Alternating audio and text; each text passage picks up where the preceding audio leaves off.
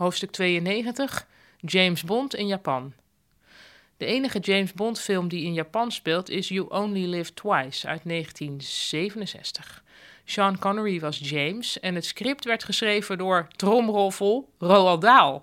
Hij vond het script zelf achteraf a load of bullshit. De film werd niet zo goed ontvangen. Filmcritici vonden hem lijken op een aflevering van Thunderbirds.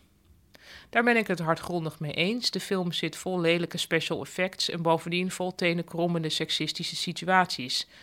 Toch is de film interessant omdat hij toont hoe het Westen in de jaren 60 anders begon te denken over Japan.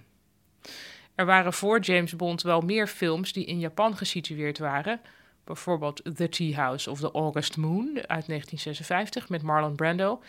The Barbarian and the Geisha uit 1958 en My Geisha uit 1962. Maar die films zaten vol met yellowface acteurs, westerse acteurs die Aziatisch geschminkt werden.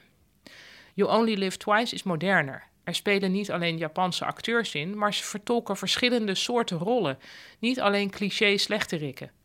Verder zie je in You Only Live Twice ook dat het Westen heeft begrepen dat Japan inmiddels een voorloper in techniek is.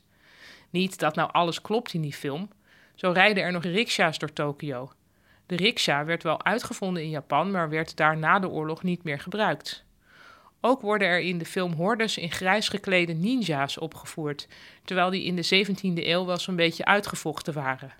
Maar Aki, de Bondgirl, heeft een glimmende Toyota 2000 GT en ze zit, oh moderniteit, zelf achter het stuur.